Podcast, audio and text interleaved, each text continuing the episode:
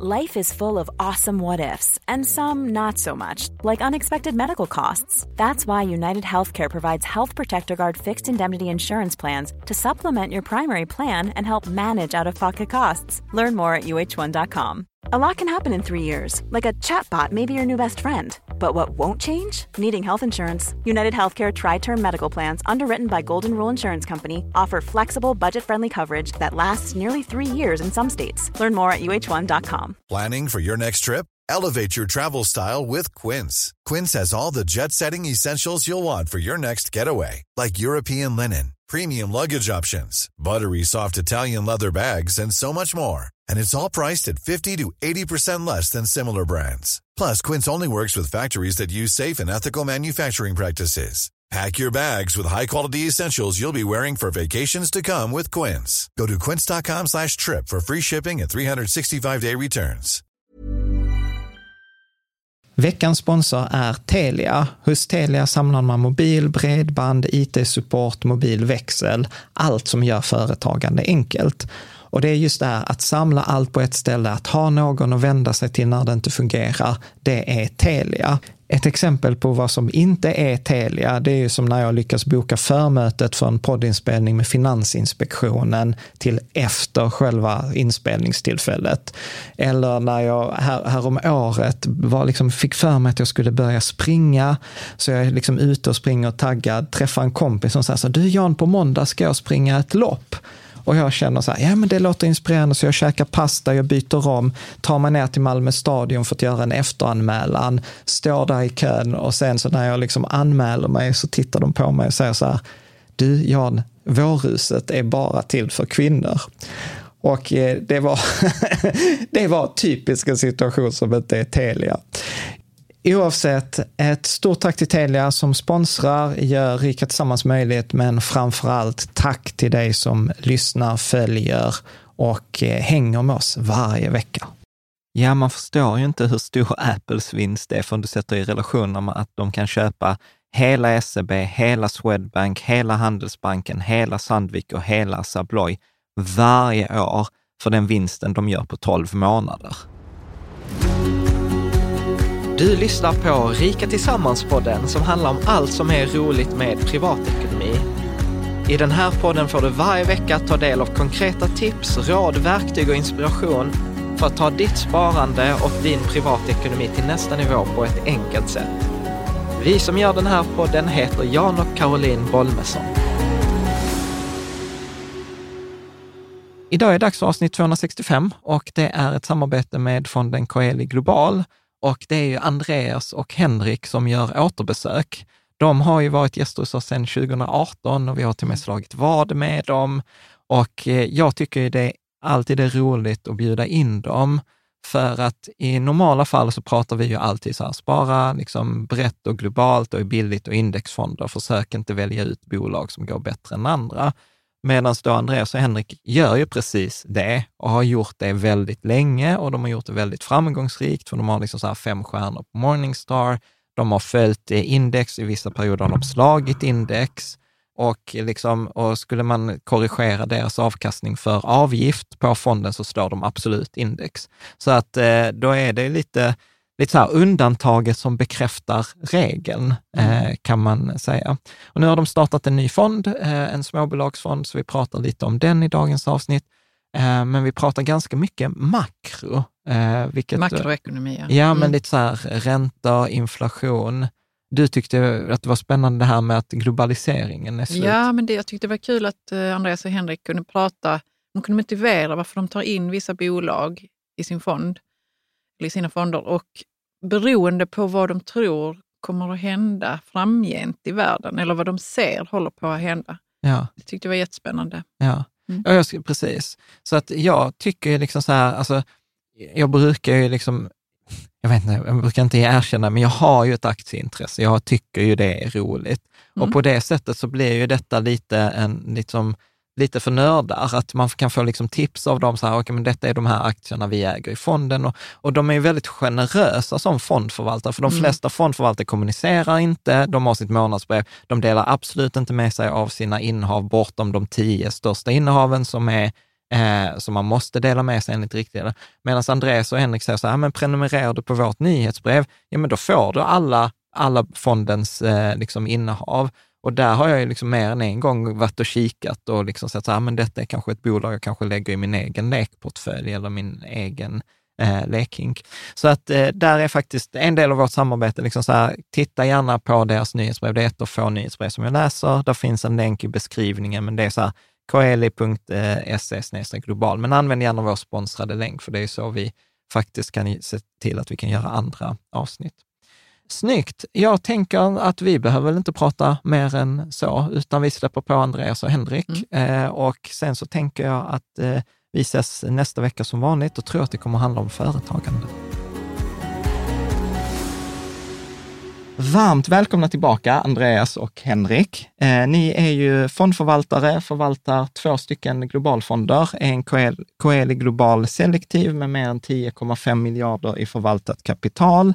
Har en nystartad eh, fond, en small cap, en småbolagsfond som vi ska prata om idag.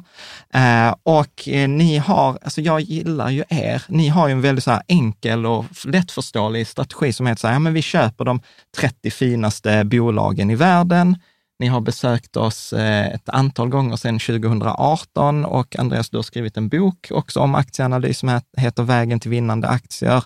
Har examen från Handelshögskolan i London, eh, jobbat på Capital Group, är sån här chartered eh, financial analyst och Ja, du bara skrattar. Är så trött, trött och bara lyssnar. Ja, ja, ja. Och du, och du är skön snubbe.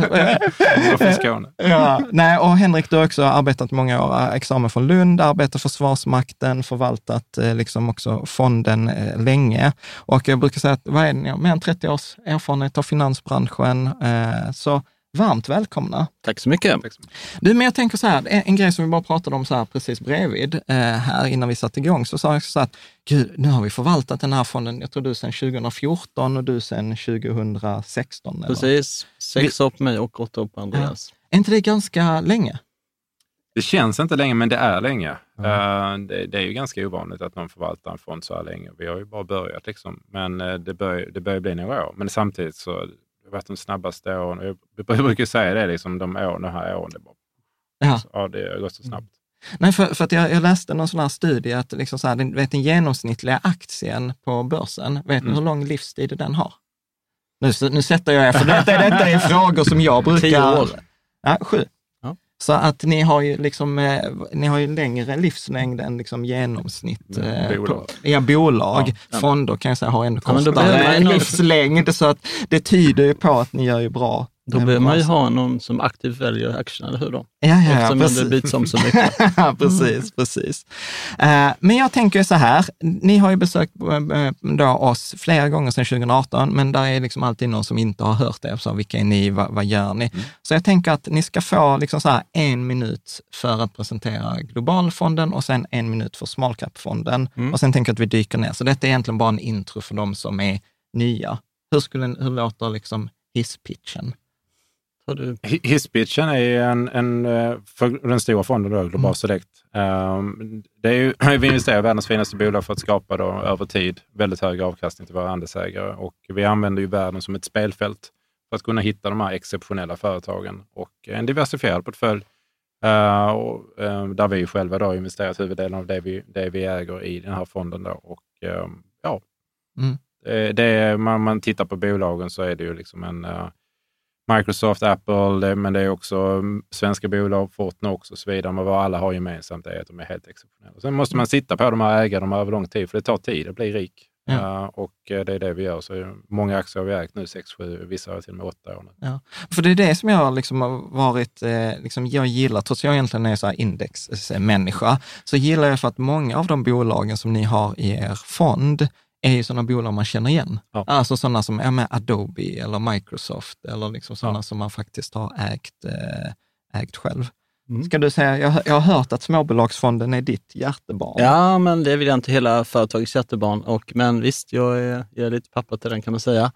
Eh, det är ju en global småbolagsfond som investerar i, vi kallar det de bästa entreprenörerna. Och de här entreprenörerna skapar de bästa företagen som ska växa och bli stora. Mm.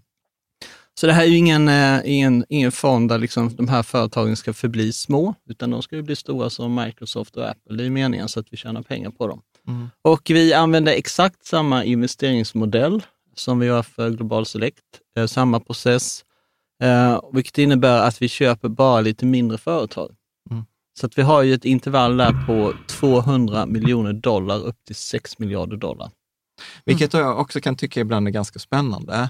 Att vi sa, vi sa småbolag, men det är värt 60 miljarder. alltså, eh, så att, eh, Men det ja. här, man måste ha klart för sig att eh, Sverige är ju ett, ett småbolag i Sverige är ett microcap om en utländsk investerare tittar på oss.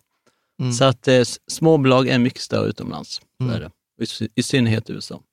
Men du, vi pratar, nu- nu, hoppar vi här i Ja. vår planering helt och hållet. Men jag tänker så att vi, vi pratade också när vi drack kaffe innan, att vi hade en fråga här eh, från en läsare som, eh, som heter Spola som sa så här, men hur länge tror du att deras champions som Apple, Microsoft, Amazon, Google kommer vara ledande och generera god avkastning? Och så, och så var du inne på så här, ja fast om man kollar på Apples kassaflöde så Ja. hade du så bra metafor. Ja, exakt. Och eh, alltså det här blir ett kassaflöde kan man ju se som ett företags in, inträdesbarriär. Det är Ja. väldigt svårt att liksom konkurrera. Och tar du då Apple, 2021 hade de 104 miljarder dollar i, i kassaflöde, eh, alltså efter operations. Och, eh, Alltså då, från löpande verksamhet. Precis, Mm. från löpande verksamheten. Och med det kan de använda då att eh, forskning, utveckling, investera, betala ner skulder och allt sånt möjligt som företag kan göra. Men då gjorde liksom en liten, en liten lek här innan jag kom hit och då sa jag så här att man kan köpa fem stycken bolag på Stockholmsbörsen då. Istället för att göra det här, då kan man köpa hela SEB, hela Handelsbanken, hela Swedbank, hela Sandvik och hela Sabloy. Och det här kan Apple göra varje år. Ja. Alltså så att det är Och för mig är det väldigt mycket liksom helt sjukt. Alltså det är inte så att du köper en- av de här, du kan köpa allihop, liksom, som är några av Sveriges, liksom så här, vad ska man säga, ändå nationalklenoder. Precis. Eh, Och din fråga där, liksom, hur länge är de här? Det, det vet vi inte. Eh, Jag vet inte om Apple... eh, Vi har ofta pratat varför äger vi inte Facebook? Det är ju en sån här tydligt. eh, Vi vet inte om Facebook finns om 20 år. Men om vi tar Microsoft kommer ju finnas om 20 år. Men hur länge fortsätter de att växa vinsten med 15 procent per år? Det vet vi inte. Ja. Men vi sitter på dem tills, de, tills momentumet avtar eller vi bedömer att momentumet snart kommer att avta. Nu är, har vi ägt Microsoft nästan åtta år liksom, och jag tror att det är sju, åtta år till tills den här moln, moln, molnutvecklingen är liksom klar. Eh, så att vi tror vi har åtta år till, men skulle det visa sig att vi bara har två, tre år till, ja då får vi hoppa av då och gå vidare. Och, vi pratade tidigare om fonden. Vi hade ju liksom 15 procent av fonden vi, har vi, har vi haft i fastigheter nästan sedan start. Nu har vi 2 procent och vi drastiskt eh, minskade det under hela förra året och liksom från 15 har vi gradvis jobbat neråt. För att vi tycker att fastighetssektorn, den, den var klar där. Liksom. När räntehöjningarna började komma, då var det dags att sluta med fastigheter. Hade räntehöjningen inte kommit så hade vi kanske suttit kvar i den sektorn i sju, åtta år till, men nu, nu minskar vi ner den. Och, så att man måste hela tiden vara liksom flexibel. Man, man har sina champions, de här fantastiska bolagen och sen rider man dem så länge de utvecklas enligt plan och sen när de slutar utvecklas går man bara vidare. Mm. Och det finns massor med spännande företag, företag där ute man kan byta till. Mm. Men, jag, men jag tänker på, du säger också nu som att ränt, räntan har ökat. Alltså det har ju varit ett ganska tufft marknadsklimat. Mm. Vi pratade också om det innan, Karo, att, att okej, om man skulle bara liksom rädda sig från inflationen under 2022, så vad är det vi pratar, 8-10 procent i Sverige och i, Mm. i USA, finns ju inte jättemånga ställen att gömma sig. Tänker Nej. jag, jag tror inte vi kom fram till något tillgångsslag som har följt inflationen i år. Nej. Nej, det enda du skulle sitta i är dollar. Ja. Du bara suttit cash i dollar. Ja. Jag kan ju kolla på det också här. Jag det är inte tittar på tillåtet. Apples utveckling year to date i svenska kronor och den har gått 12 procent plus. Så att man kunnat köpa massa Apple-aktier. Ja, men det är klart. typ det. Det är typ det. En Ja. enskild, en, ett enskilt innehav. Men har ni gjort några andra sådana här positioneringar liksom till följd av det här marknadsläget? Ja, men jag tänker på, det var väl någon fråga här i flödet, man pratade om en, en recession och så vidare. Va? Och jag tycker man ska ha med sig i minnet att aktiemarknaden ligger ofta och handlar liksom vad som händer om 12 månader. Och jag tror att det var väl anledningen till att vi hade kanske ett ganska svagt liksom första, första halvår, för att marknaden kanske prisade lite jobbigare tider. Och det såg vi i aktiekurserna. Dessutom hade vi en, en, en tioårsränta som stack på grund av inflationen och förväntningar om höjda räntor. Men, men nu har ju då räntan kommit ner lite grann, så att jag tycker att, eh, jag tycker, jag ska inte säga att man, jag tycker att om man, man läser vårt månadsbrev för, för juni eller juli här så ser man att vi trodde att marknaden bottnade där det månadsskiftet och, och jag tror att det blev så. Så att jag tror att mycket av den här äh, farorna är faktiskt över. Mm. Så jag tror att vi ser, ska se positivt på 2023. Vi ska, vi ska prata om det och det är ju faktiskt en av de grejerna vi också skulle liksom tipsa dig som lyssnar. Att liksom, gillar du Andreas Henrik, vill se vilka bolag som de har i fonder, så ska man anmäla sig till ert nyhetsbrev. Mm. Och jag brukar säga så här, jag, jag prenumererar på många nyhetsbrev. Ert är ett av få som jag faktiskt läser. Oh, men, men, här ska jag faktiskt ta en kommentar som jag blev lite förvånad på det senaste ja. nyhetsbrevet. Det var väldigt mycket makro i ja. det senaste nyhetsbrevet. Ja, men det ska vi ändra på. För att, precis, varför jag säger det är för att jag tror du var inne på det med Peter Lynch, att 15 minuter spenderat på makro är 15 ja. minuter man aldrig får tillbaka. Mm. Det, är, ja, men, det var kanske överdrivet. Nej, men, nej, men det, har, och det har varit mycket, det har varit väldigt mycket makro på sistone mm. och, och vi känner ju också att våra, våra läsare undrar väldigt mycket om det, så att då får, ja, ja, ja. besvara det. Det är ju ibland, ibland så känner man sådär, du vet, eh, då kommer säga att Sika, de, de gör en ny produkt nu då som eh, minskar CO2. Det är, inte, det är inte så många som vill läsa om det. vi tycker det är jätteskoj men, med, med, som bolagsnördar, men eh, så att ibland får man anpassa sig lite grann till vad läsarna efterfrågar. Också. Vi, vi, jag måste säga bara lite parentes, vi hade en sån situation i vårt forum också, där jag skrev så här, det var så här, tjänar man på timpris versus rörligt elpris? Och du vet, jag la ner rätt mycket tid på den beräkningen, ja. skulle kolla och sen kom jag ut så här, ja, vi har tjänat 7 procent detta år. Så bla. Och, sen, och sen så tre, tre poster längre kommentaren skrev så här, och sen fick jag de här eh, tofflorna inför vintern av Carro och det fick så här 35 likes och den första ja, andra var så här, ingen lätta, respons. Lätta eller? poäng. Men, eh, men varför säger man att det är eh, 15 minuter spenderat på makro i 15 minuter som man aldrig får tillbaka. Är det för att det är så komplext eh, att förstå ja, men om, världen? Ja, men sen är frågan också, är det relevant? Liksom? Mm. Uh, och, uh, låt oss bara ta Microsoft. Jag tror aktien är upp sen vi startade fonden med 700-800 procent. Liksom. Har, har, har räntan varit drivande för det? Nej. Har det vilken president i USA varit drivande för det? Nej. Oljepriset och så vidare. Egentligen det enda där är det viktiga är Asia, liksom, utvecklingen av Asia och vad den värdet Asia ger till sina kunder. Det är ju det som är det häftiga. Liksom. Och, och nya ledarskapet uh, på Microsoft har ju varit jättespännande. Så, det mm. så vad vi fokuserar på är ju de här företagen där egentligen makron så, såklart spelar det roll, men, men det ska spela väldigt liten roll jämfört med vad bolagen kan göra. En utveckling som BRF har haft de senaste åren med, mot allt med miljövänliga gaser och de upp, deras nya produkter med minskad CO2-användning och nu då att EQT har gått in. Det är ju jättemycket viktigare för BRF än om räntan är på 0,5 eller 1,5. Så att det är ju där vi försöker ja. fokusera det då. Mm. Ja, och det är det vi tycker är skoj. Mm. Och det är det vi tycker precis, det vi kan förstå. Man kan hitta mycket förklaringar i makron, till exempel. Här med, varför har tillväxtaktier gått lite sämre? Jo, det är för att räntan har varit hög. Varför eh, har konsumenten lite dåligt nu? Ja, vi pratade om elpriser och andra saker som har gjort att det blivit dyrare att leva. Så att, mm. Mm. Mm. Så att som investerare, så kan, som bolag så investerar så brukar jag säga att makro är ganska meningslöst. Men det är vansinnigt skoj att prata om.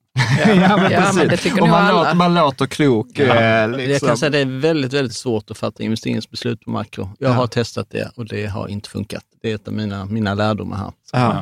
Mm. Men nu här hade vi en fråga eh, också så från Mattis. Finns det något som har förändrats i er syn på investeringar det senaste året? Inte det senaste året, men de senaste nu är det mitt tolfte år nu som förvaltare liksom, och man blir ju bättre och bättre hela tiden. Och det vi har väl märkt är ju att, att eh, liksom, mer och mer fokus på, ännu mer fokus på bolagen, gräva ännu, ännu djupare. Liksom. Och det är, ju, det är ju där vi är bra, det är det som spelar roll. Och uh, även också försöka, när man har sina egna missuppfattningar i huvudet då, när man själv tycker liksom vi har debatterat Tesla väldigt många gånger, men liksom, eh, ta det som ett exempel. Liksom. Jag, jag minns 2011, 12, 13 när någon började pitcha det för en och man bara, men det där, det där tramset. Liksom. Där man, mm. liksom, men, men, att man också, när man känner så starkt själv, då kanske man ska ta och undersöka det också. Ja. Liksom, där, där var man ju fel på det. Ja. Eh, och, och så vidare. Och hela tiden så förkastar man ju vissa saker. Då, så, ja, men mm. Det är ett värdelöst bolag. Ja, men, har du faktiskt träffat dem? Ja. att då får man liksom stappa sig på ansiktet. Kom igen nu liksom. Nej, men någonting, någonting som jag har reflekterat över på sistone och också, sen, sen är det också, alltså jag, jag pratar ju mycket med oss, alltså vanliga Ja. småsparare och där har jag också sett så här, hur mycket vikt vi lägger vid aktiepriset. Ja. Alltså så här, för att det är så enkelt att se, det är så enkelt att ha en åsikt om, vi, har, vi ankrade så här, "Ja, men det var 100 innan, nu är det 20, Mm. då borde det kunna gå upp till 100. Ja. Och det är så mycket svårare än att så här, okej, nu ska vi titta på avkastning på eget kapital eller vi ska titta på Mm. omsättningstillväxt eller har det liksom hänt, eh, eh, hänt grejer? Ja, då är det bättre att man tittar på det historiska P-talet i så fall och följer det istället Ja. för aktiekursen, så har du svaret där. Mm, precis.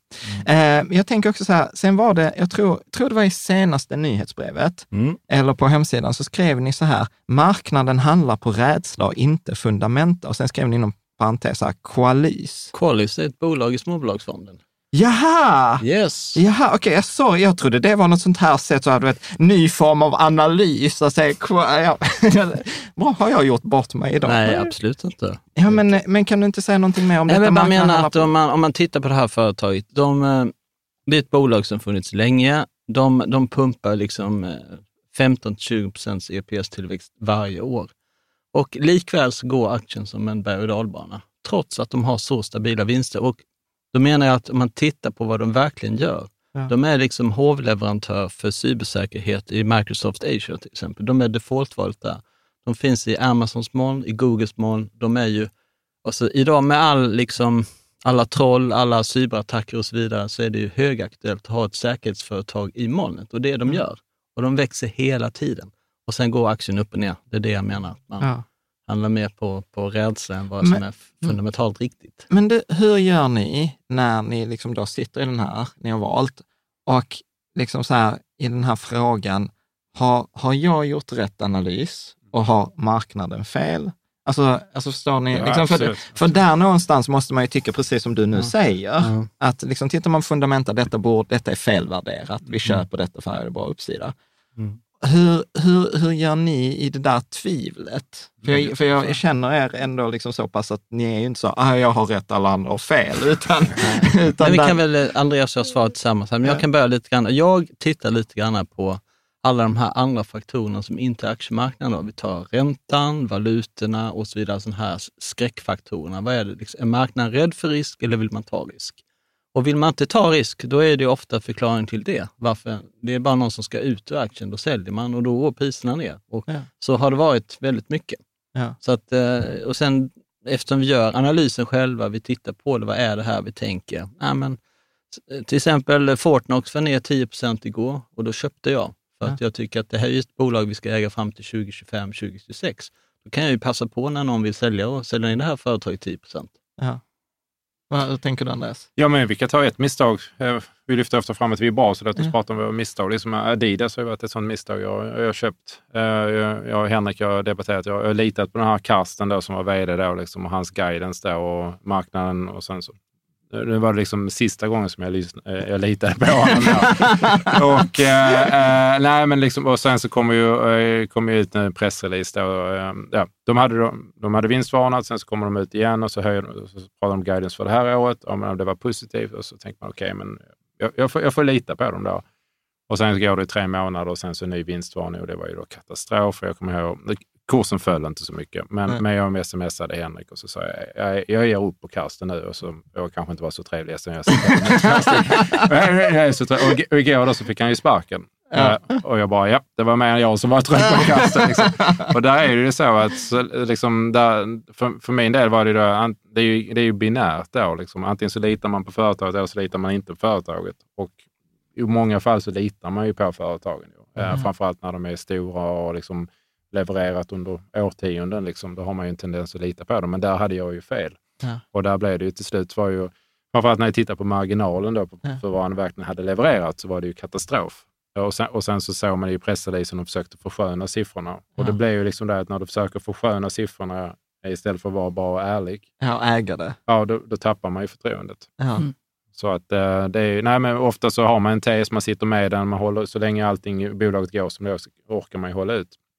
Sen kan man ju ha andra aktier liksom, som efter två, tre år fortfarande är billiga och då får man ju liksom skruva på sig själv och säga Ja. Det är någonting som alla, alla säger, men inte jag. Liksom. Ja. Ofta så kan det ju vara då att man, ja, Men hur gör ni då i den situationen? Nej, Vi säljer. move on liksom. Nej, ja, men lite grann. Eller så får man ju, ja, men det kan ju vara ett, jag minns det var ett, eh, det här är jättelänge sedan, det var ju Ja. min tidigare arbetsgivare, men det var ett italienskt bolag som var ju väldigt, väldigt billigt. Och eh, Uh, nej, nej, men då fick jag flyga ner till Italien. Så hängde man med de italienarna där och snackade med mäklarna och sen så när man har hängt där ett par dagar och som träffat bolag och snackat runt så förstod man ju att det här är ju, det är ju någonting som är skumt med den här familjen som är huvudägaren. Det finns ju en anledning till varför de lokala människorna, in, de vet ju, det är någonting med den här familjen då från södra Italien som man liksom ska stay away från. Och Medan i London så hyllas de och de hyllas investmentbankirerna och så vidare, men man förstod ju då att det, det var ju någonting som var ja, lokalt i marknaden. ja. Så att eh, då var det bara att acceptera. Liksom. Vi, vi förlorar inga pengar på det, men det var liksom ingen... Det var, ja. ja. Spänn, spännande. Det låter Men- spännande ändå att du har fått liksom gräva lite och, och hänga med dem för att få känna av detta. Ja, och ibland Mm. upptäcker man saker som man inte vill upptäcka Nej. med företag. Så att det är lite så, här, så att det är därför, var har vi våra investeringar? Det här är ju många, många, många år sedan. Men, Mm. men det var, om vi tittar, var, vad äger vi för? Var är vi investerade? Ja, vi har lite grann i Sverige. Vi gillar Tyskland, vi gillar Schweiz, norra Italien, eh, 60 procent i USA. Vi har ju en tendens, och du frågade tidigare om våra erfarenheter. Ja. Och våra erfarenheter är ju att det är ju bättre att fokusera på bolagen som är de här, ska vi kalla dem demokratiska eh, länderna där, det, där lagarna är, är starka och styrandet är starkt. Då Mm. minskar ju risken för misstag. Mm, nej men precis.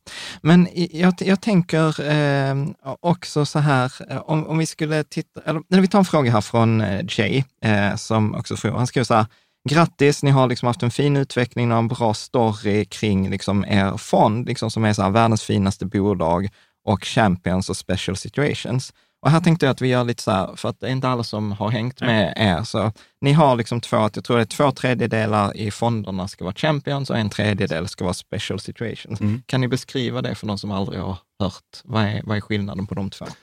Eh, en Champions, det är det vi kallar världens finaste företag. Och det är ett företag som eh, har en jättebra ledning, de har jättebra produkter, de, eh, de växer, de är lönsamma, de har starka kassaflöden. Vi nämnde, vi pratade om, vad heter det, Apple, Microsoft, Amazon och Google. De har ju jättemycket kassaflöde. Alltså det företaget som är kassaflödespositiva och som kan växa. För då, kan de ha, då har de framtiden i sina egna händer och kan utveckla företaget. Mm. Och sen eh, om man tar special situations, det kan också vara en champions. Vi gjorde en jättebra champions i John Deere till exempel, som är Alltså traktorernas. Ja, ja, traktorernas Alltså traktor, Rolls-Royce. de gröna, Ja. gröngula traktorerna. Precis, med gula fälgar. De är jättesnygga. De, är Och de kan dra stridsvagnar i Ukraina har Det jag kan de också göra.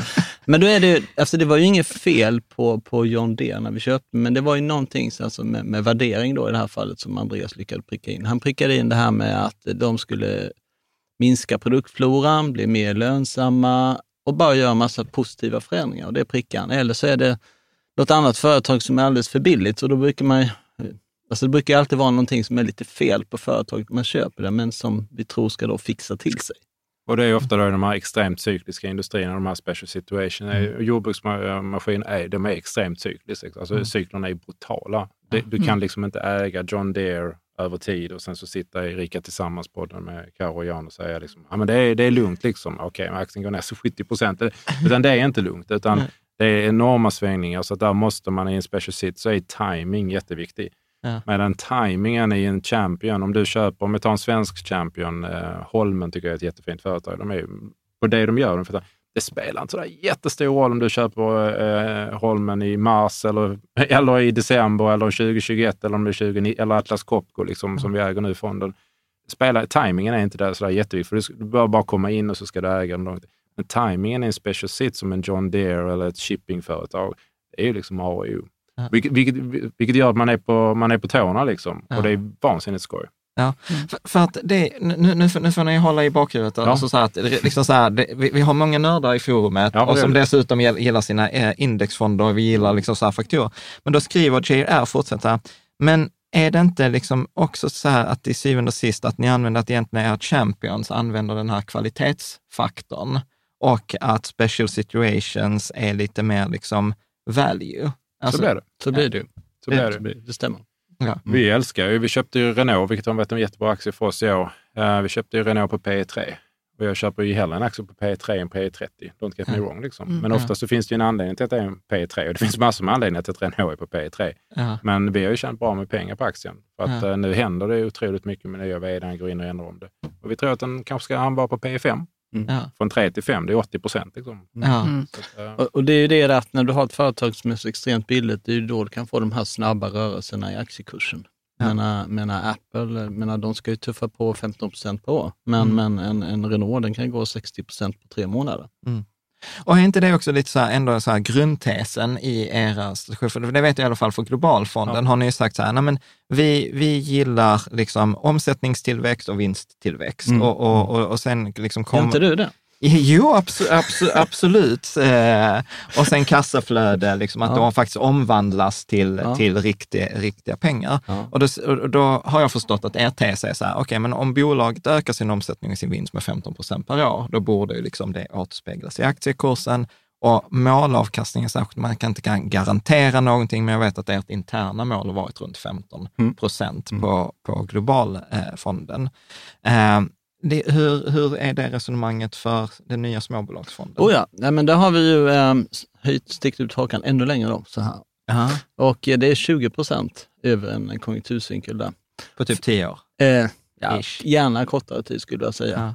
Men jag är snäll. Ja. Ja. Nej, men skulle säga att sex, sju år, så här, det är ungefär vad en cykel varar. Ja. Eh, men eh, för det är att när man köper de här småbolagen då, med de här entreprenörsdrivna småbolagen, att de har ju oftast mycket mer fart än vad de stora har. Och eh, jag sitter och tittar på båda fonderna dagligen och en dag när det är grönt på börsen, då går småbolagsfonden upp mer och den dagen det är rött så går den ner lite mer. Och eh, då tycker jag att om man är beredd att ta den här risken då, i småbolag så ska man också ha en eh, högre alltså bang for the buck. Alltså man måste ha mer pengar då. Och då har vi sagt att då ska vi gå från 15 till 20 procent i den här småbolagsfonden. Mm. Och eh, det tror jag vi kommer fixa. Men jag tänker en fråga där kring småbolag, för att det där är en sån diskussion vi också haft i forumet, att behöver man egentligen äga storbolag? Alltså om man orkar med och kan bära risken, så, och småbolag tenderar gå bättre än stora bolag. Det är också en sån här faktor som kvalitet och värde. Alltså så här, har ni någon tanke kring det? Nu har ni ju både och, Mm. men eh, alltså, står ni vart jag, vart jag är på väg? Eh, Jag tycker definitivt att man ska äga båda. För menar, vi, vi vill ju äga företag som, som växer i vinst och växer i omsättning och så vidare, som, som ger mervärde för andelsägarna. För att, eh, menar vi, om man tittar på vår eh, Global Select, då har vi ju stora företag och vi har små företag. Mm. Vi har inga microcaps, men vi har små företag. Jag Mm. menar, Fortnox ligger väl på 30 miljarder SEK kanske och vi har Technoprobe där någonstans. Så, och i jämförelse med Apple så är de ju jättesmå. Mm. Så att jag tycker man ska ha båda. Ja, ehm, din, jätte- din, din fråga är väldigt relevant för just det här med investerarna. Vi är ju, eh, Henrik kan ringa mig på en lördag morgon. Klockan är 9 och, eh, 9.30. Jag har precis fått i mig min dubbla espresso och sträcker på mig. Så ringer, Henrik och så säger han, "Eh, nu, nu, nu äntligen slog vi all time high. Fonden har liksom nått det års högsta. Eh, Vi är, vi är ju som, som par, vi är Ja. otroligt fokuserade på att andelsägarna ska bli rika. Och, och, det och många studier, och jag vet att du har berört det, visar ju att den avkastning som, som många investerare har skiljer sig ju enormt mycket från in, vad indexet var och så vidare, just för att folk får panik. Ja. Och, och det jag tycker vi har lyckats med, om vi tittar på hur våra flöden har varit, hur våra småsparare har varit i den här turbulenta perioden, om vi ska kalla det här nu, med, med, även om det inte har varit så turbulent med vinsterna, så har det ändå varit en turbulent eh, med krig och så vidare. Våra investerare har ju har varit extremt stabila och väldigt lojala och stannat kvar. Och det är ju därför de också nu har kunnat hänga med upp här nu i juli. Så där, där, där tror jag vi, vi har lyckats med vår kommunikation, att äger vi extremt de bästa bolagen i världen, koppla av. Liksom. Ja. Ta, ta det lugnt, bolagen fixar det här. Liksom. De har det här enorma kassaflödet, de kommer att fixa vad, vad, vad det än kastar mot dem. Räntehöjningar, inflation, krig. Bolagen fixar det. Many of us have those stubborn pounds that seem impossible to lose, no matter how good we eat or how hard we work out. My solution is PlushCare. PlushCare is a leading telehealth provider with doctors who are there for you day and night to partner with you in your weight loss journey. They can prescribe FDA-approved weight loss medications like Wagovi and Zepbound for those who qualify.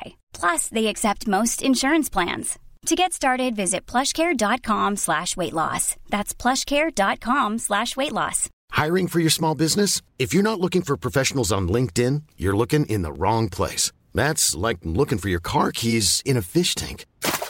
LinkedIn helps you hire professionals you can't find anywhere else, even those who aren't actively searching for a new job but might be open to the perfect role. In a given month, over 70% of LinkedIn users don't even visit other leading job sites. So start looking in the right place. With LinkedIn, you can hire professionals like a professional. Post your free job on linkedin.com slash people today. Cool fact a crocodile can't stick out its tongue. Also, you can get health insurance for a month or just under a year in some states. United Healthcare short term insurance plans, underwritten by Golden Rule Insurance Company, offer flexible, budget friendly coverage for you. Learn more at uh1.com. Och eh, det vi vill skicka med då i småbolag, small cap-fonden då, det är ju att ja, det här kommer svänga mer liksom än stora fonden, men Ja. än en gång bara koppla av. Ja. Den har gått igenom samma process när det gäller kvalitet och så vidare. Det är samma faktorer. Liksom. Det kommer svänga mer, men det är, fortfarande, det är, det är den här fortfarande väldigt rigida processen som de här har gått igenom. Liksom. Men om man ska tänka på det som, som sparare då, för att innan var det enkelt, ni hade bara en fond. Ja. Då var det så här, okej, men då allokerar jag de pengarna där. Nu har ni två fonder. Mm. Hur ska man tänka så här, okej, men om jag har min Coeli globalpott, Ja. hur, hur, hur, hur skulle ni resonera kring fördelning mellan småbolag och storbolag? Ja, man kan ju göra som jag gör med min tjänstepension. Man lägger 50 procent i Global Select och 50 procent i Global Small Cap. Men jag jag fattar, och det där är ju det enkla, men berätta, jag blev, blev, så här nyfiken, så här, hur kom du fram till det? Var det någon tanke eller var det bara så här, ja men det Men- kändes man, bra? man, kan, väl- man kan väl säga så här att, att båda fonderna i princip är unika investeringar. Ja. För att överlappet är fyra företag ungefär ja. mellan small cap och Global Select. Och eh, menar, det är så här att jag brukar alltid titta på riskjusterad avkastning. Det är Ja. liksom alltid så jag tänker. Ja. Eh, Om jag nu går upp 15 procent, vilken risk har jag då tagit och så vidare. Så att därför erbjuder då Global Select en väldigt fin riskjusterad avkastning. Och däremot, i och med att man tar small cap så är det ju lite högre risk, men däremot har jag också sagt att vi ska liksom försöka gneta ihop högre avkastning. Så därför är det, i princip så är det samma riskjusterad avkastning. Så att, alltså jag gillar båda, för jag vill ha exponering mot våra stora fina företag och jag vill ha exponering mot de fina små entreprenörerna. Precis. Så känner jag. Men Karo, Mm. jag vet att du var inne också på det där. Vad, Ja, vad det betyder att de är entreprenörsdrivna, de småbolagen, om man då skulle jämföra med storbolagen. Ja, men det är väl som Andreas och jag. Vi är liksom två entreprenörer som driver den här globalfonden och vi älskar vårt jobb. Vi har energi, vi vaknar upp på morgonen, även om, om det är rätt marknad så går vi upp och tycker nu jäklar ska vi göra det här. Det är alltså man har Mm. energi, man har en drivkraft, man vågar utmana etablissemanget, om jag kallar det det. Man vågar liksom göra de här grejerna, man vågar vara en disruptör, ja. tänka liksom stort. Processen, investeringsprocessen, vi har ju 12 olika kriterier som varje investering ska uppfylla. Då. Det är en checklista då som vi går igenom. Och eh, i den här checklistan på small cap som är likadan då, så blir det extra emphasis på management. Och de här entreprenörerna. Det, är- alltså det, det är jätteviktigt att, att man träffar de här. Så därför blir ju småbolagen mer arbetsintensiv. Eh, Det är en mer arbetsintensiv investeringsprocess och därför har vi också då genomfört, eh, analysteamet växer nu. Eh, vi, ja, ni är ju tio, nio pers. Ja, ja, inkl- inklusive våra produktspecialister. Men vi, det, förvaltningsteamet går upp till fem personer här nu och så vi får in väldigt mycket mer resurser för att små, småbolag är, det, det är arbetsintensivt. Liksom. Stora bolag är också arbetsintensivt, don't get me wrong, men, men det är inte jätteviktigt för mig att träffa divisionschefen för eh, division 4 på Microsoft, för, för jag vet att företaget sköter sig. Liksom, men, men i ett småbolag så är, det, ju- är ju management, entreprenörs, det är ju avgörande. Och, vilket betyder att när entreprenörerna slutar sin resa, då är det kanske väldigt dags att hoppa av. Liksom. Mm. Att det kan ju vara kn- väldigt knutet till det här teamet. Liksom. Ja, precis. Eh, någonting som jag tänker här också, en eh, fråga när, när, vi, när vi är inne på riksjusterad avkastning från JFB i forumet. Eh, hur, jämfört med index, eh, liksom så här, ligger ni liksom på en riskjusterat bättre avkastning? Har, har ni liksom resonerat någonting kring, kring det där? För att ni har ju liksom en mer koncentrerad portfölj. Mm. Och då säger väl liksom forskningen lite så här, ja men eh, genom att avvika från index så tar du en högre risk som Såklart. gör att du kan få en högre avkastning, men du kan också få lägre Mm. avkastning, men att den riskjusterade avkastningen ofta Mm. minskar. Hur Jag tycker att vi tar en högre positiv risk, om man använder uttrycket. Då. För risk behöver inte bara vara negativt, det kan ju också vara positivt. ja. Man kan tjäna pengar på att ta risk. Eh, men om vi då tittar på standardavvikelsen då, som ett, liksom ett allmänt mått på risk, så har vi ungefär samma standardavvikelse som index och vi är ju bättre än index gällande avkastning sedan start. Så att jag tycker att man har ju fått, vi har ju en bättre riskjusterad avkastning då. Mm. Eh, vi, vi, tar en fråga till från Daniel eh, Nilsson här också. Eh, hur ser ni på att i framtiden börja använda hävstång belåning i era fonder? Ni får väl inte det på grund av USITS, eller? Kan det finns USITS framework, alltså regelverket tillåter mm. eh, användning av optioner, derivat och viss sorts belåning i future. Ja. Det är ingenting som finns i de här två fonderna överhuvudtaget. Vi är 100% aktier och kommer aldrig någonsin att syssla med, med någonting sånt. Ja. Nej. Sen jag kan säga det att vi hade aktier i småbolagsfonden som gick, gick upp 60 eh, procent i juli. Och frågan är om du behöver ett derivat. du kan liksom bara allokera pengarna rätt istället. Ja. Uh, precis, precis. Uh, jag frågar också från spår, finns det några bubblar inom Champion som ni eventuellt kommer liksom, uh, titta på? Alltså, ni, jag fattar att ni inte kan liksom frontrunna eller... Nej, liksom, nej absolut inte. Med, men liksom, vart, vart kollar ni? Liksom?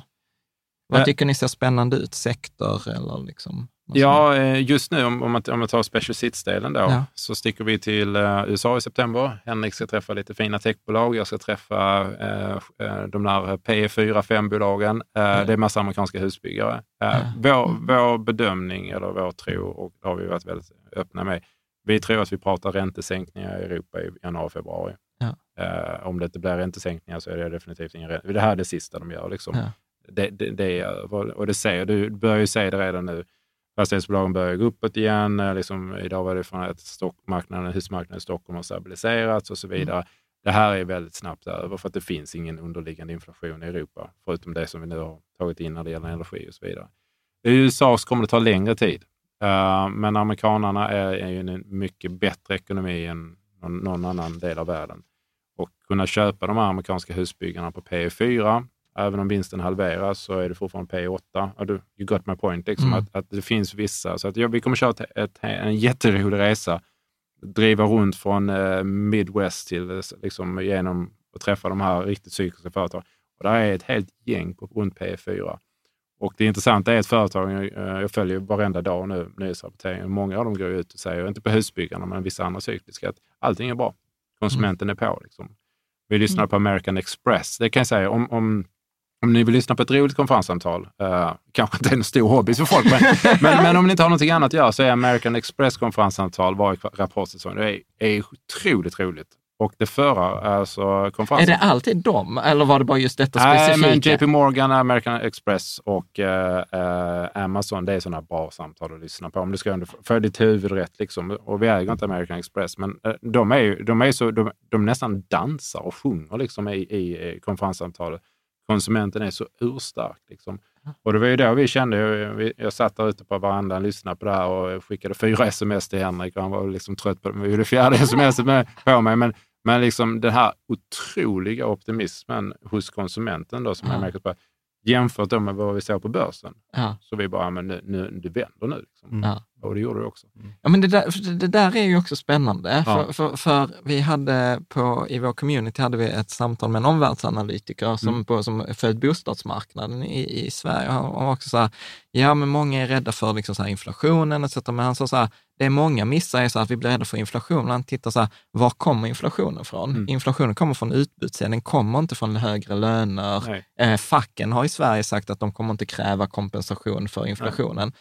Och han säger så att då finns det liksom ingenting på andra sidan, utan då kommer ju räntan liksom högst sannolikt ja. eh, att liksom falla. Och, mm. och tittar man på amerikanska räntorna, så vad, vad är det, gapet är ju mm. väldigt litet, mm. som också tyder ja, infl Inflationen handlar ju väldigt mycket om att man ska styra om sina inköpskällor. Alltså vi, ja. får åka, vi får släppa den där butiken där och vi får åka till en annan butik där det är ja. 10% dyrare varor. Och det är mycket det det handlar om, liksom kostnadsinflation. Ja. Jag har ju följt liksom 45 rapporter här och alla företagen pratar om kostnadsinflation. Så ja. är det. Ja.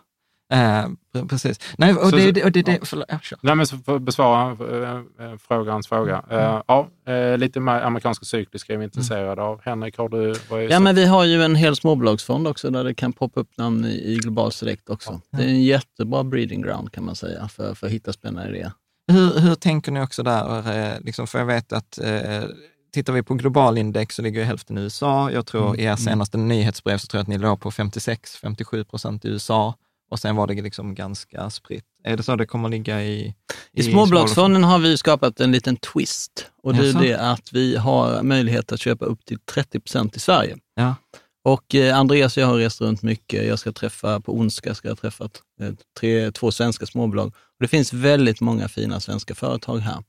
Och eh, vi finns här för att tjäna pengar åt andelsägarna. Mm. Varför ska jag inte då kunna köpa liksom bra svenska företag? För att om vi tar ett jättefint företag, till exempel Hexatronic. De har ju verksamhet i Sverige, men det är också Tyskland, det är Storbritannien, Australien, Nya Zeeland, eh, USA. Var det inte de som gjorde 600 procent Jo, de, de, Eller de något har sånt. gått jättebra.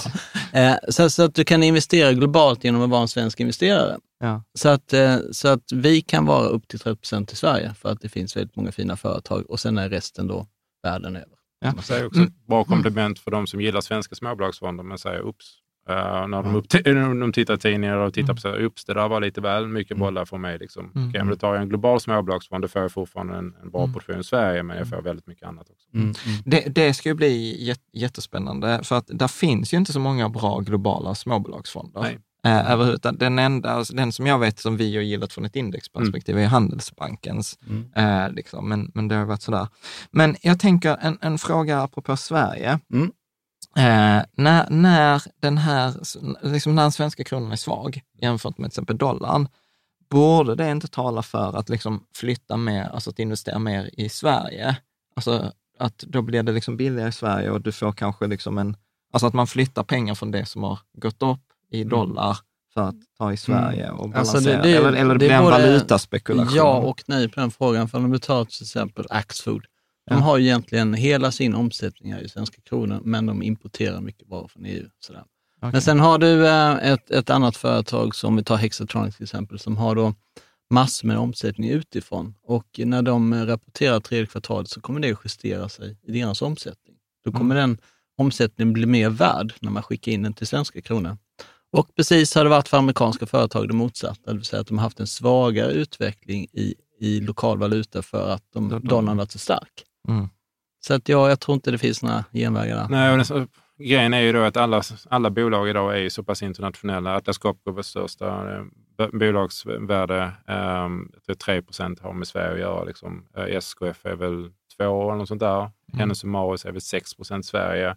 Liksom, köp en Sverige från, ja, du får, det är ju framförallt USA du får och en Tyskland ändå. Mm. Men sen det var bara att skicka med, och nu nu börjar man ju bli lite äldre, men jag minns när jag var ung. Eh, Och eh, jag var ett barn och vi åkte till Danmark och vi, pappa skulle betala taxin. Och så sa, sa taxichauffören, ja han ville väldigt gärna ha, eh, det stod 100 kronor på taxin. Jag jag tog gärna en 100, sven- svensk 100-lapp. Liksom. Ja, han var jätteglad för det ju. För, det, för svenska kronan var ju värd mer. Vad står den danska kronan i nu? I? 1,40. Ja. Och, och det är liksom, kanske hade varit dags för lite soul searching bland svenska politiker. Liksom. Hur, alltså, valutan är ju folket och folkets arbetsvilja, folkets kultur. Och det är ju någonting i Sverige som inte funkar. Liksom. Om vi jämför med Schweiz, när jag var där nere och jobbade i Schweiz på ABB, då var vi på 6, nu är det 10,50 liksom. Jag tror att de strukturella problemen som Sverige har eh, med att, eh, ja också den här ovi, liksom, eh, oviljan att verkligen jobba för kämpa för svenska industrier. Alltså, företag efter företag har ju bara flyttat ut sin produktion från Sverige och svenska politiker har bara suttit och nickat liksom, och inte gjort någonting för att de produktion ska komma hem igen. Mm. Eh, och det är ju det man behöver. Vi behöver att företagen flyttar hem igen och att vi satsar här hemma liksom, och bygger upp vår egen forskning och utveckling. Så att, tyvärr, innan det ändras, så, och vilket kommer att ta tid, så tror jag det är väldigt bra att äga andra valutor som schweizerfrancen, som dollarn och så vidare. För jag har svårt att säga att den trenden kommer att reversera så snabbt. Mm. Vi har ju Ja. faktiskt två spännande företag i småbolagsfonden. På det temat att man flyttar hem Mm. eh, tillverkning. Och det är ju svenska Note och finska Incap. Mm. Och De går otroligt bra just nu, så det här temat finns. Jag känner, alltså då har jag aldrig hört talas om. Nej. jag tror att Alltså så här, du får liksom så här här, jag vet vad de gör, jag visste att Ja. de hade 600 procents avskiljning. Alltså så här, men detta har aldrig hört talas om. Kan Nej. du inte ge så här? Ja, men Och Note, hur hittar ni dem? ja, men, eh, ja, vi screenar och eh, jag tror att det där eh, Incap kom från din son Andreas. Ja, det var det. Och, Ja. nej, men, ja, det var ju varit en, ja, men en av de megatrenderna som vi ser i världen just nu. Det är ju att världen, där vi pratade om det tidigare, med världen, globaliseringen är över. Eh, världen går ju mot en, en segregering, alltså vi delar upp oss i block nu. Fragmentering. Ja, eh, västvärlden, demokrati mot Mm. the evil ones. Liksom. ja, men så, så är det liksom. Och alla, det här, alltså, de här eh, supply chains, det är, alltså, det är enorma supply chains. Alltså, många leverantörer av tillverkare av, av delar till amerikanska vapen är kinesiska bolag. Ja. Allt det här ska nu reversera under de närmsta 5-10 åren. Så att vi identifierar detta som en megatrend, att eh, folk kommer att flytta hem sina fabriker. Eh, och, det är, och jag tror det, vi har bara börjat där. Det är en mega, megatrend. Och eh, grejen är då, så, så vi köpte Note med Johannes som vd, en fantastisk vd. Vi har följt bolaget nästan sex år. Kunde inte köpa det små, i stora, stora fonden för det var för litet marknadsvärde. Och det är fortfarande ett litet marknadsvärde, men det börjar ta sig. Liksom. Nu kunde vi ha den småbolag. Och sen så har vi då börjat köpa fler bolag på det temat och det kommer att bli fler, ännu fler.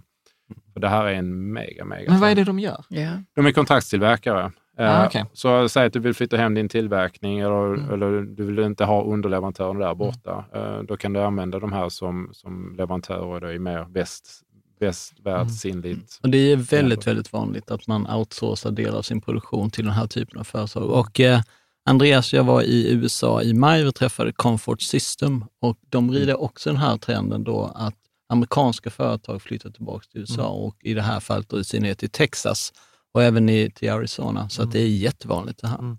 Nej, men jag, så, jag, jag var ju styrelseordförande i tre år för en liten mekanisk verkstadskoncern. Det vi såg det redan för ett par år sedan. Liksom. Och det kommer, det kommer bara... Så att det här är... Alltså, nu ska vi inte gå eh, för mycket politik, men om du lyssnar på vad Demokratiska partiet säger i USA, och det är det viktigaste partiet i världen, de pratar ju om att västvärlden står inför en existentiell kris. Ja.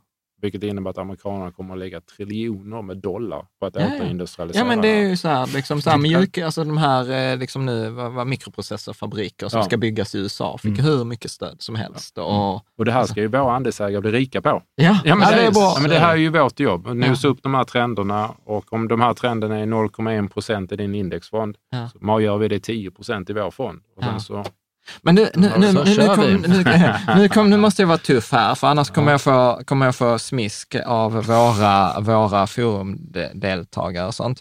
Eh, och det ena är så, vi slog ju vad för Ja. 2018. ja, vi är Eh, inte klara än. Nej, vi är inte klara. Vi är klara i februari. Och nu, är det, nu, nu känner jag så här, det är sista perioden. Ja. Och ni, fram till för sex månader sedan så ledde ni ganska mycket, så här Ja. 87-77 Ja. i procents avkastning. Mm. Nu är det omvänt. Grattis. Eh, tack. Eh, så att nu tänkte jag höra, liksom så här, vad är kommentaren inför sista halvlek eller sista perioden? Liksom så här, nu står vi här i Vi, vi, ishockeyperioden. vi, kän- vi har ju känt så här länge att varje gång vi är här så ligger vi före. Vi kände liksom... det är inte sant! Men det är sant de senaste Men två de har känt det, ja. Ja, vi känt det. Sen vi, vi ger, ger lite försprång Ja, och sen så kommer vi de sista 100 meterna. det är så. Ja. Ja, men, men, men, men, men, liksom, ett, eh, Men vi, är- vi är övertygade om vi vinner avkastningsmatchen. Men om vi tar det större filosofiska också. Då, liksom, vi har ju jämfört med indexfonden, jag måste ju säga så, vi har ju inte ägt ryska bolag. Nej. Det har vi ju sagt sedan 2014 att vi äger inte ryska bolag. Vi har fått många gliringar för det här. Inte från er, men många Mm. andra har glirat rätt mycket åt oss och små, eh, hånskrattat lite grann. Liksom. På, på, om ryska bolag? Ja, men varför äger ni inte ryska bolag Ja. och bla bla. Liksom, och så, ja, framförallt. eh, Och, eh, och, och ja, på, på vilket vår fråga har varit, har ni träffat några ryska oligarker? Ja, men det har vi gjort. Liksom. Det är fruktansvärda, spännande människor. Liksom. Vä- vä- vä- Väldigt diplomatiskt. Ja, väldigt diplomatiskt. Och det ger upphov till så många följdfrågor. Ja, man vill veta, Nej, men, men- ni är inte de som eh, snackar skit. Nej, nej, det gör ni nej, inte. men, eh, Och man gör inte det om ryska oligarker. nej, men, liksom, och vi, nej, men det har vi undvikit. Så jämfört med Ines så har vi undvikit det. Vi har, vi har undvikit eh, olja och gasinvesteringar. Då kan du debattera det fram och tillbaka. Men vår etiska grej är att vi lägger hellre pengarna. Vi har ju varit tidvis investerade i Vestas eh, och, och letar just nu, en av grejerna vi letar i sol, Mm. sol, sol solprogram. Så att, Mm. vi, ja, vi hoppas vinna den här avkastningsmatchen Mm. mot er, men vi är också de som har investerat och så. Vi har använt ert kapital, vi har investerat i etiskt, etiska Ja. bra grejer. Vi har också genomfört påverkan på våra företag. Vi Ja. reser till Texas, vi har långa debatter med våra företag, pushar dem liksom Mm. för att bry sig om. Vi var i Spanien här på en konferens. Det var 12 olika fondbolag. Vi var den enda fondbolaget som pratade ESG. Är det så? Ända på hela Ah. konferensen. Det var amerikanska, det var kanadensiska, det var eh, fondbolag från hela Europa. Det var det enda, enda fondbolag som nämnde ESG på, hela, på de två Mm. dagarna. Mm. På riktigt, för jag upplever ändå så här, eller är det kanske bara Sverige? Att det är liksom... ja, att, tyvärr var det. Ja, ja, det var lite Ja, men- i slutet var det lite grann samma. Tittar man på världsindex så är det ett ganska smutsigt index. Menar, det finns ju olja och gas och det finns tobak och det ena med det andra. Och vi är ju rena investerare. Vi, vi har pratat oproportionerligt lite om hållbarhet idag. Vi Ja. jobbar mycket mer än hållbarhet än vad vi har sagt här idag. Ja. Och eh, det ska man ha klart för sig att man har ju här liksom fått en fin avkastning då. Ja. Medan index... Ja. Ha, ha. Nej, men jag hoppas att, det går, att ni vinner Ja, med, med den vi. pitchen. Alltså. Ja, ja, ja, men precis. Men jag tänkte på det, apropå så här, var skulle man gömma sig? Alltså oljebolag gick väl, första sex månaderna i år gick ju de Mm. fantastiskt bra. Vi tappade 300 bips med ett index. på det. Mm, Det är så? Ja, Ja, men vad får du ändå säga så här, 300, det är 3 procent. Ja. Det är ganska mycket. Det är väldigt Mm. mycket. Det är väldigt mycket. Ja, men vad ska vi göra? Liksom, det, vi gillar inte det, vi vill inte stödja det uh, långsiktigt. Ja. Det vill vi inte. Eh, bra. Men eh, JBL frågar då, ser du någon världshändelse eller någonting sådant som skulle kunna ställa till det? Är det så att om räntan skulle... Liksom Alltså det fortsätta- värsta som kan inträffa, nej jag ska inte säga, men en, en jobbig grej det är om, om Kina skulle göra allvarligt hot mot Taiwan. Men För att- tror, ja, Jag förlåt. bara säger att för att det som kommer hända då, det är att eh, om vi nu då inför sanktion mot Kina, då kommer saker och ting bli betydligt dyrare än vad det var. För att nästan mycket tillverkas i Kina och det ligger ju där för att det är billigt att tillverka det. Ska Mm. vi då köpa det på andra ställen så kommer det bli dyrare, så att då kommer vi få en inflationsvåg till. Mm. Det är inte så kul. Nej. Nej, jag hoppas ju att de fixar en tankeställare med Ryss, hur det går för Ryssland Ja. i, i, i Ukraina. Eh, Mm. liksom, Nej, men jag. det är, det är the big one. Liksom. Och, och, det, och det, det, det kriget kommer att vara någonting liksom, som ja, det kommer, kommer att vara så fruktansvärt på så Ja. många nivåer. Och, all, all sjötrafik kommer ju liksom att Stanna. stanna, av. Alltså det, för oss och det humanitära lidandet kommer att vara på en helt annan nivå än vad vi någonsin har sett. Liksom. Så att Ja. Mm. Det är the big one. Och så därför man, man, man hoppar ju till lite grann varje gång det här, sånt där händer. Mm. Eh, eh, en fråga här från Thomas, eh, 88, där han var så här, men liksom så här, varför behövs en småbolagsfond över, överhuvudtaget? Är det inte bara in, bättre att inkludera det i globalfonden och lägga allt krut där? Den behövs för de, den typen av investerare som kan ha- hantera den högre vållan. Mm. Alltså, Globalfonden är ju designad för ganska 15 procent i volla tror jag vi ligger. Eh, Där, där, där ligger vi och rör oss, vilket jag tror att de flesta investerarna är, liksom, är bekväma med. Och det ser vi också. Alltså i, att om en, en fond som oss är ner 10 procent, det är jättemycket. Liksom. Mm. Eh, så att vollan är ju ganska begränsad. Jag tror det passar väldigt många. Sen, sen finns det många, eh, en del investerare, jag tror många svenska Ja, kanske lite yngre människor också eh, som vill ha lite mer krydda och kan hantera mer volatilitet över tid.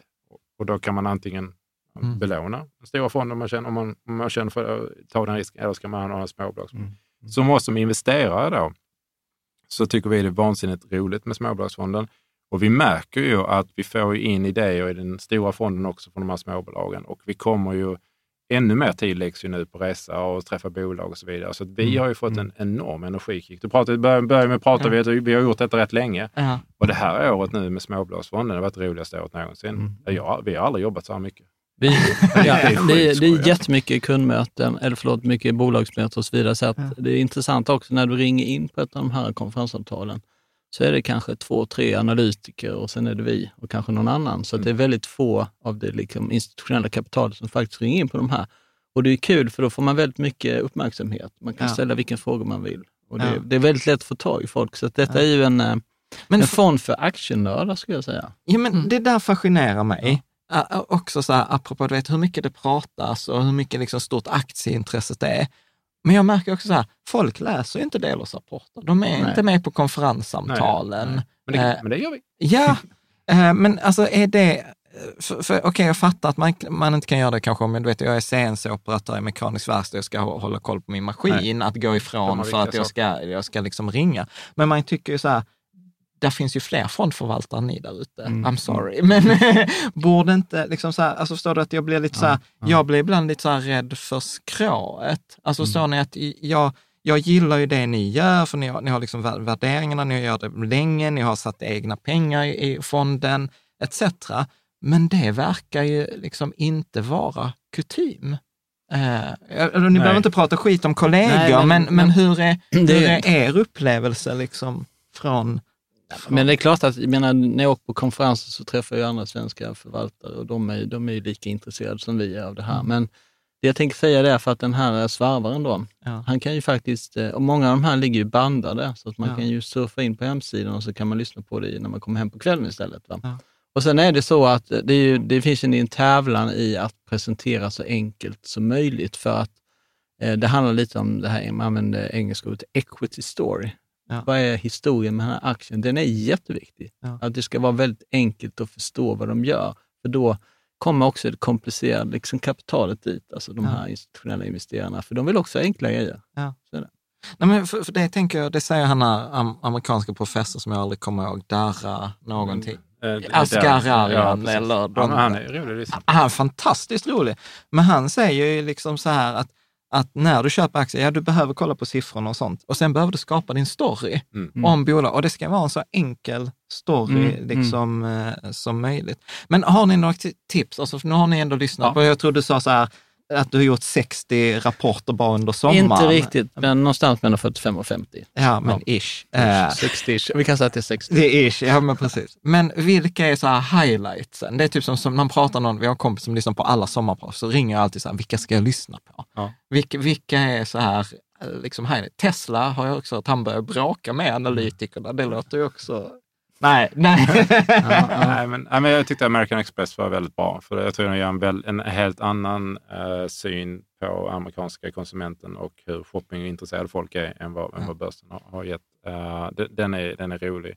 Ehm, ja, den, vi äger inte bolag, men, det, men det var väldigt roligt. Uh, sen Estée Lauder och, och de här är ju fa- fantastiska när de pratar om innovation. Ja. Så man glömmer bort väldigt mycket om hur... Ja, de har gjort många nya krämer. Jag, vet, jag, jag, som man, jag, tycker, jag tycker det är väldigt intressant. Det är många krämer nu som jobbar just med eh, strålningen från skärmarna, hur den påverkar hyn. De har gjort forskning på det och så vidare. Jag tycker det är så härligt att se liksom, den här innovationskraften. Liksom. Folk vill ha det. Ja, Jag vill verkligen. känna så att de blir... Eh, får det, ja, det senaste liksom ändå. Ja, Omhändertagna, ja. Ja, men Mm. det, jag, tyck, jag tyckte... Så, och Estée Lauder, han är, han är, han är, ja, han är så... Så Estée Lauder och American Express, det är, Det är de två. Ja, det, är rikt, det kan man riktigt mysa med.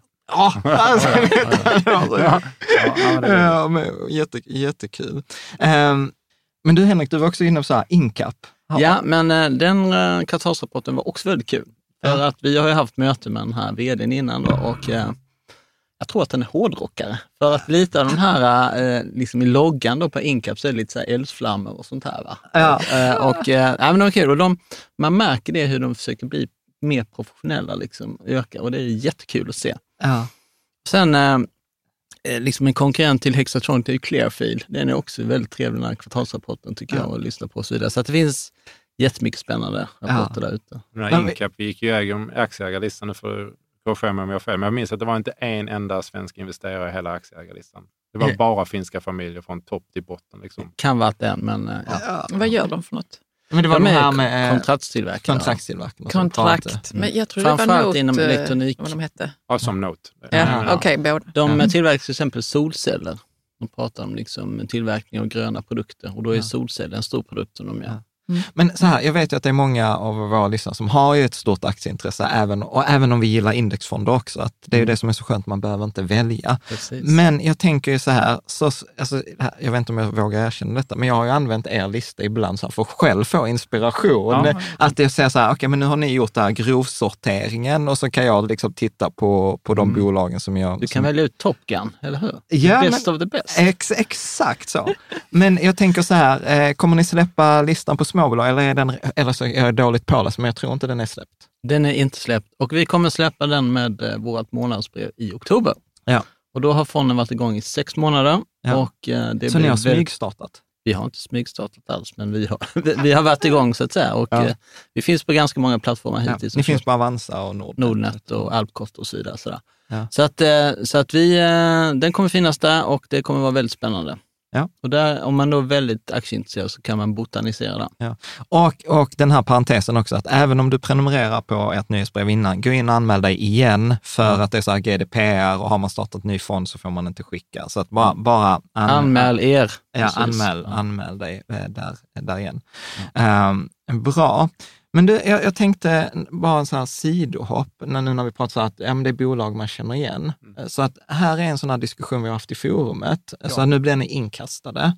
Så finns det ju liksom så här en klassisk, så här, så, men, ja men köp det du känner till. Mm. Och sen har jag varit skeptisk till det där, för att vissa saker, så här, köp de företag vars produkter du använder. Mm. Men så har jag tänkt så här, typ så här, men Spotify. Jag Mm. använder Spotify, men de har ju liksom uppvisat förlust typ alltid. Hur, hur förhåller ni er till den här regeln, köp det du, vars företag du köper? Ingen dum idé. Det, är det bästa sättet att lära känna ett företag är ofta att vara kund. Uh, vi gör det faktiskt i, i många grejer. Uh, Adobe, när vi ska analysera Ja. Adobe, laddade vi ner uh, hela sviten, liksom gick igenom Photoshop och alla. Det är ju, det är ju jättemånga företag. Så, så det är ett jättebra sätt att lära känna det. Men sen måste det vara ett, vara lönsamt, två, växa. Ja. Det är liksom A och O. Och sen så kommer ju värdering och så vidare. Men om vi tar Spotify som ett exempel, det är ju konstanta förluster. Eh, Jag, jag tror att det börjar bli jobbigt för dem nu, alltså seriöst jobbigt, för att eh, förlusterna tar ju inte slut. Och eh, Apple, om vi går tillbaka till det här, de har 100 miljarder dollar i kassaflöde. Det inkluderar ju att förmodligen Apple Music är kraftigt lossmaking. Ja. Men det märks ju inte ens i Apple. Jag menar, Ja. Apple har ju kanske 200 års uthållighet. ja, men alltså, de, kan, de kan fortsätta med det här i 200 år och konkurrera med Spotify och deras förluster.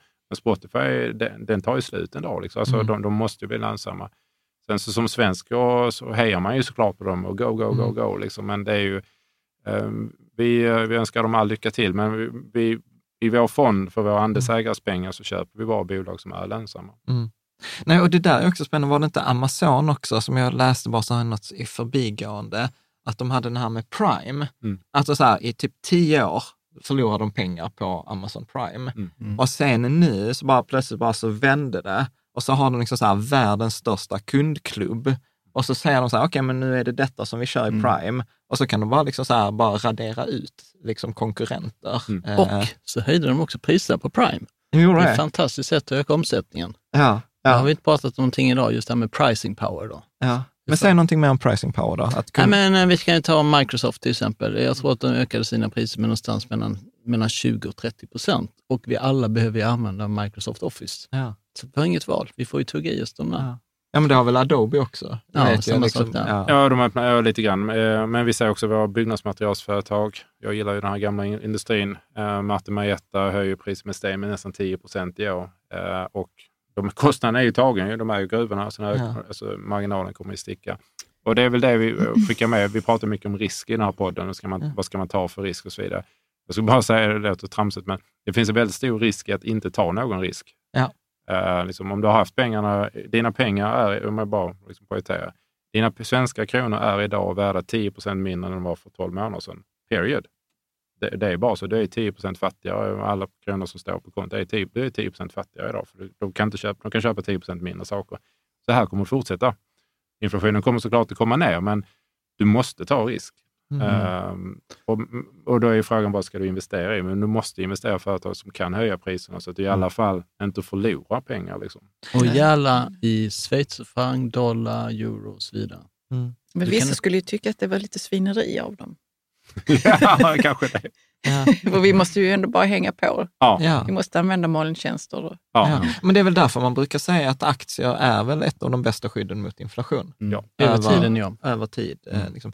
Jag tänker också, när ni var här för något avsnitt sen så pratade vi om att det här TINA, there is no alternative. Ja, nu är det många alternativ. Så. Det är så? ja. Eh, Jag skulle säga att det är, det är nog en del av eh, att aktiemarknaden gått ner en aning. Att eh, kapital faktiskt flyter in till räntebärande skulle jag säga. För att om du är amerikan och har fått 3% i en amerikansk statsobligation i tio år. Jag tror många har tagit den. Ja. Du fick ju nästan, på en tvååring så fick du 2 och, och så vidare. Så att du kan få ganska bra ränta på andra ställen. Precis. Snyggt, jag tänkte vi skulle runda av. En fråga till. Eh, någonting jag tror jag såg i ert, eh, i, eh, någonting när jag läste på om eh, små, småbolagsfonden, så skrev ni också att ja, men vi kommer kunna bli mer aktiva i börsnoteringar och IPO. Vill ni säga någonting mer om det? Ja, men det stämmer. Och eh, många av de IPO som skedde under 2021, det var ju liksom hur många som helst. Eh, Det, var blir, ju- ja, det, det är så här att det, är- de mest attraktiva vill väldigt många ha. Och då blir tilldelningen till oss, alltså den stora fonden, väldigt små. Det kanske rör sig om liksom 10 miljoner totalt och det är ingenting. Men däremot om man är en småbolagsfond så gör det, får det en mycket större påverkan i fonden om du kan köpa Mm. en större andel. Så att då kan man ta in lite mindre företag. Hur, hur många, det kommer också vara typ 30 till 50 bolag i Någonstans småbolag. 30 till 50 företag och vi har 40 idag. Nöjda där eller? Ja, men det kommer gå upp och ner, Ja. kan man säga. Så Kommer- kommer jag gillar ju det här med att när en, en aktiemarknad liksom, eh, bottnar ur, då vill jag gärna ha en koncentrerad fond så det går som en raket. Å andra sidan, när vi liksom börjar bli lite toppish, då har jag gärna lite fler företag. Kommer det vara samma, så för när jag pratar i den stora fonden, äger ni vissa bolag länge? Kommer det vara så också? Eller kommer det vara liksom en Jag högre vill ju att alla de här småbolagen ska bli det nya Microsoft, så jag kan ju rida dem i 20 år. Alltså. Ja. Ja, jag tycker det är så skönt, ni är så agnostiska. Och, Ja, och liksom- optimistiska, ja, positiva till ja, saker. Mm. Ja, men snyggt. Eh, jag, jag, jag, jag tänker så här, är det någonting som ni tänker så här att detta borde vi ha frågat eller detta borde vi ha tagit upp? Uh, var läser man mer om oss? Eh, vi har en hemsida, Ja. kaeli.se global. Vi har också en app. Har ni? Oh. Va? Detta har jag missat. missat. Har du det? Fin, Ja. Finns där appar finns. Eh, och där finns ehm, eh, då våra månadsbrev och också våra analyser på många företagen. Och Ja. vi kommer nu att öka vår liksom, vi- video. Vi hoppas kunna göra många mer videos. Eh, vi förstår att de ska vara ganska korta, eh, men liksom där vi sammanfattar lite grann mer om, om marknaden och börsen och så vidare. Ja. Så vår app ser vi fram emot att, att folk kommer, är ett lätt sätt att... där Alltså jag, tycker ni, med. alltså, så här, jag, alltså jag tycker ni är så coola. Alltså det är inte många, det är väl typ ni och så Karl Amfelt och Spinchon som är, som är typ bäst i Sverige på det här. Så att, äh, fantastiskt roligt att Sen, ni... bloggen tycker jag, det skulle jag, alltså om man nu läser alla våra blogginlägg plus månadsbreven, då kan man följa ganska väl vad som följer, vad som pågår i våra huvuden. Alltså. Ja. Så att eh, bloggen, gå in där. Och Ja. vi har just en artikelserie nu om småbolagsfonden. Ja. Vi har haft ett introduktionsinlägg då och sen har vi kört två stycken småbolag och det kommer bli eh, två Mm. till. Ja. Lite djupare prestation. Ja, men precis. Nej, och där kan jag faktiskt inte, alltså jag läser ju era må- månadsbrev, jag tycker de är, de är roliga och det var ju därför jag till och med var så här, jag var tvungen att retas lite för liksom kring att ni hade skrivit, ni hade skrivit mycket makro. Nej, men jag, jag tänker eh, liksom ett fantastiskt stort tack. Eh, tackar. att eh, ni ville komma tillbaka hit. Och sen tänker jag att vi ses nästa gång i februari. 18, Ja. Ja. 18 februari. Då Det är middag på Savoy, var det Ja, nej, exakt. Vi, vi vet fortfarande inte vem som tar notan, Nej, eh, men eh, det ska bli fantastiskt, eh, fantastiskt roligt. Och det, det är roligt också att ni delar med er av er, er kunskap och att, att ni faktiskt liksom delar med er också. Detta är bolagen, så här resonerar vi, de här har vi besökt. För att i, i fondbranschen är det väldigt, väldigt ovanligt.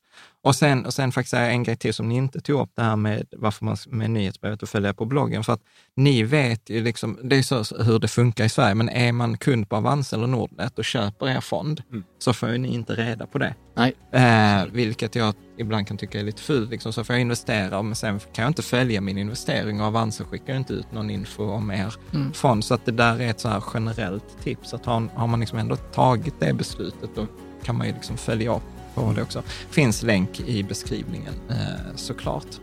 Men stort tack och Tack tack, till dig som har Tack. lyssnat också. Så ses vi om vi. några veckor igen. Ja, det gör vi. Tack.